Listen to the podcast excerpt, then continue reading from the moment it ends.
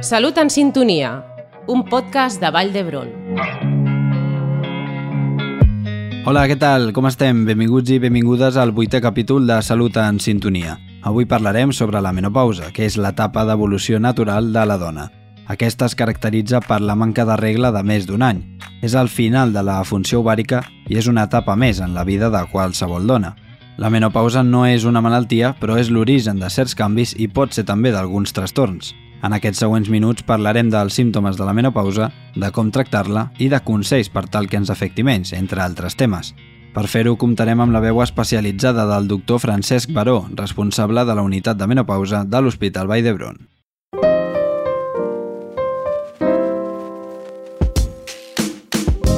Bé, primer de tot, per aclarir-ho per punts, diem que la menopausa és, primer de tot, el cessament definitiu de la funció ovàrica. Segon, una etapa més en la vida de qualsevol dona. Tercer, l'origen de certs canvis i d'alguns trastorns. I per últim, és important saber que les dones informades i amb hàbits saludables gaudiran d'una millor qualitat de vida durant aquesta etapa.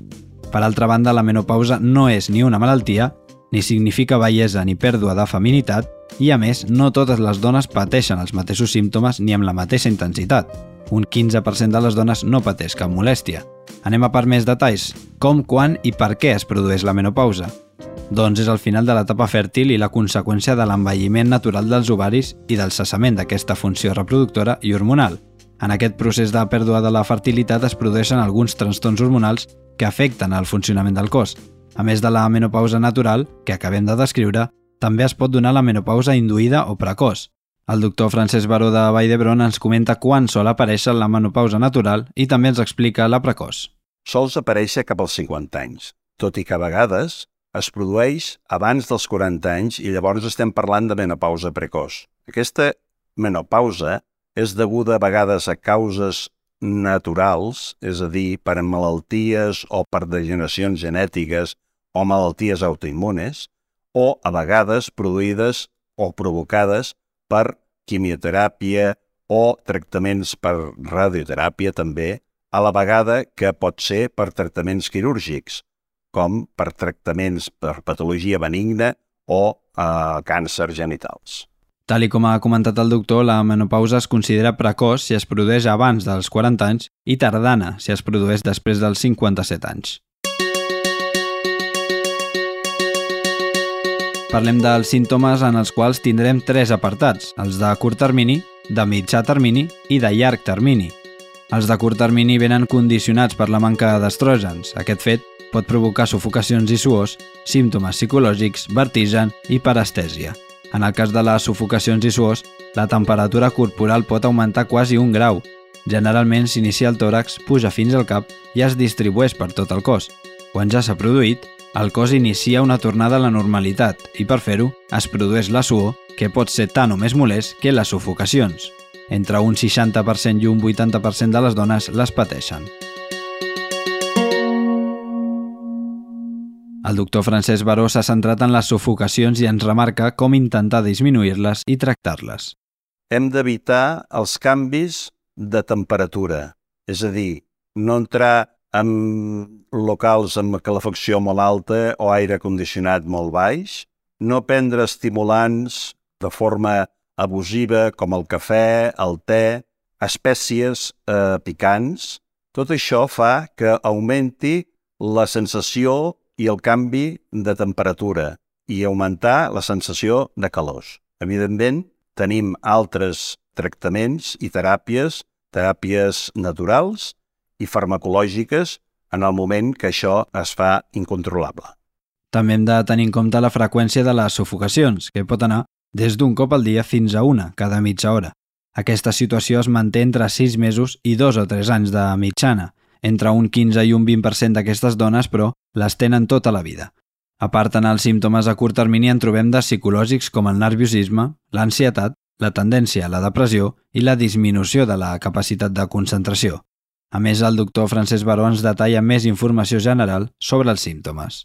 Són les sufocacions, els suors i també el nerviosisme, la pèrdua de memòria, l'insomni i també la rampa.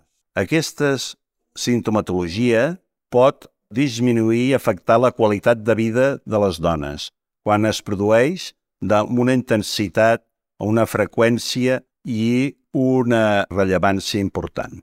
Per tancar l'apartat dels símptomes a curt termini també pot aparèixer vertigen, identificat com a mareig i sensació d'inestabilitat, i parestèsia, que és una sensació de formigueig i adormiment de les extremitats.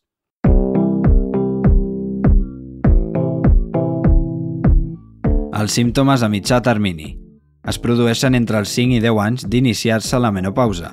En primer lloc trobem alteracions urinàries o síndrome urogenital, que pot ser atròfia urogenital, en la qual la manca d'estrògens produeix una disminució de la lubrificació de la vagina i la disminució dels plecs vaginals per la pèrdua de col·làgen, o incontinència urinària, que no sempre està lligada al dèficit d'estrògens, però constitueix un problema higiènic, social i psicològic. En l'actualitat, el tractament de base és la fisioteràpia, basada a millorar la musculatura del sol pelvià. El tractament amb estrògens locals millora el trofisme de les mucoses i pot ajudar a disminuir i millorar la simptomatologia. En segon lloc, les alteracions a la pell, causades pel dèficit d'estrògens, al qual s'afegeixen altres factors propis de l'edat o externs, com ara l'exposició solar, el pas del temps provoca una disminució del col·làgen i del gruix de la pell i això provoca laxitud, arrugues i pèrdua d'elasticitat i sensibilitat. I un dels últims símptomes a mitjà termini és la sexualitat durant la menopausa. Cal saber que l'arribada de la menopausa no comporta el final de la sexualitat. La percepció contrària és equivocada i depèn més de factors socioculturals que dels pròpiament hormonals comporta certs canvis i pot provocar alguns trastorns, però no vol dir pèrdua de feminitat. Aquests canvis poden ser la disminució de la lubricació, que a vegades pot provocar molèsties durant el coit. L'excitació sexual pot ser més lenta i menys intensa. El fet d'ingerir fàrmacs i també patir algunes malalties cròniques pot reduir l'impuls sexual. Els trastorns psicològics propis de la menopausa també afecten la resposta sexual i que els actuals cànons de bellesa són una pressió per a les dones menopàusiques.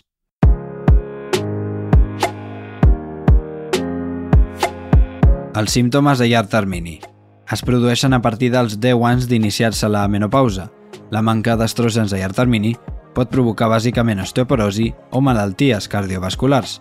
L'osteoporosi és una pèrdua progressiva de calci als ossos. Els estrògens contribueixen a la regeneració dels ossos. La manca d'estrògens fa que els ossos no es regenerin correctament i el resultat és que durant els primers anys les dones poden perdre entre un 2 i un 3% anual, és a dir, en 10 anys es pot arribar a perdre un 25% de la massa òssia total.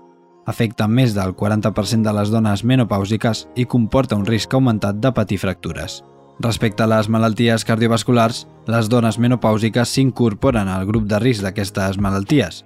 Els factors de risc identificats en les dones són l'edat, si té més de 55 anys, els antecedents familiars, l'obesitat, el tabaquisme, la diabetis, la hipertensió, la hipercolesterolèmia, l'estrès i l'hipostrogenisme. El diagnòstic. La menopausa per definició és un any sense regla. A part d'això, el diagnòstic serà clínic per tota la simptomatologia que ja s'ha explicat en l'apartat anterior i també per les troballes a les anàlisis generals amb un augment de les xifres del colesterol, però el més important és l'apartat hormonal, amb un augment de les gonadotrofines i en especial l'FSH. Prevenir per cuidar-se durant la menopausa, durant aquesta etapa haurem de reforçar els hàbits saludables. Per això el doctor Francesc Baró ens explica com mantenir-se més sanes durant la menopausa. L'alimentació ha de ser rica, variada i equilibrada. Què millor que la dieta mediterrània, però tenint en compte que hem de disminuir la quantitat. Com hem dit abans, el metabolisme disminueix i tenim una certa tendència a augmentar de pes. L'exercici és molt senzill, tenim de caminar de mitja hora a una hora diària o també un exercici molt bo és la natació, un exercici molt complet. Si les dones no sapiguessin nedar, l'aigua gym és un complement perfecte. A més a més, també és adequat prendre el sol uns 15 minuts al dia i, en cas que fumem, deixar el tabac.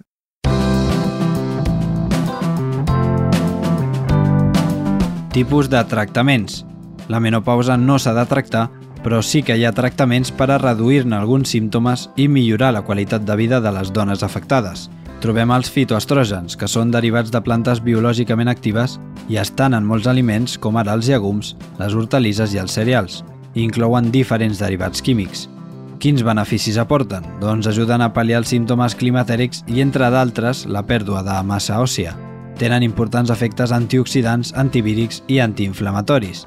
Les dietes no solen contenir prou quantitat de fitoestrògens, de manera que s'han d'administrar en suplements.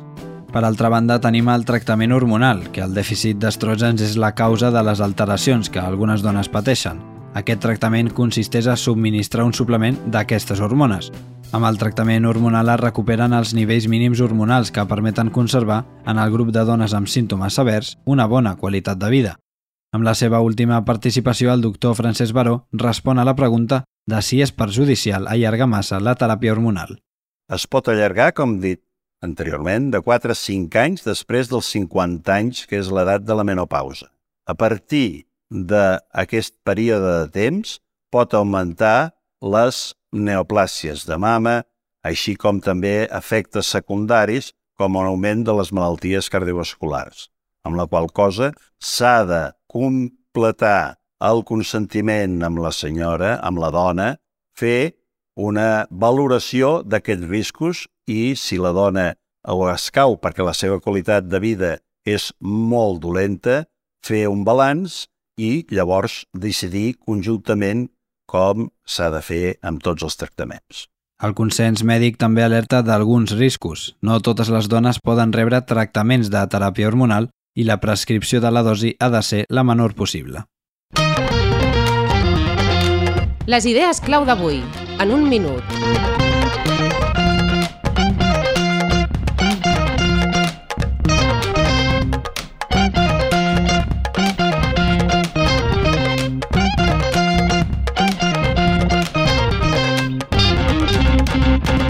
La menopausa és l'etapa d'evolució natural de la dona que es caracteritza per la manca de regla de més d'un any.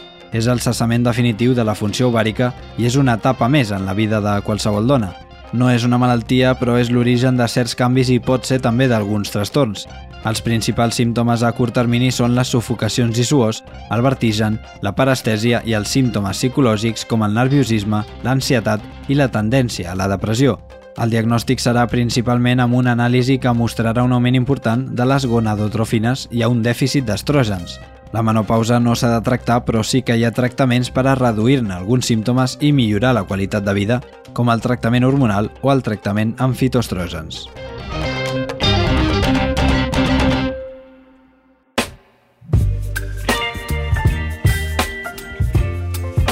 Fins aquí el vuitè capítol de Salut en Sintonia sobre la menopausa. Estigueu atents als següents programes per parlar de més consells de salut, més tractaments, més malalties, però sempre amb veus de professionals assistencials. Gràcies per l'atenció i la confiança, ens escoltem en el següent programa. Fins aviat, cuideu-vos!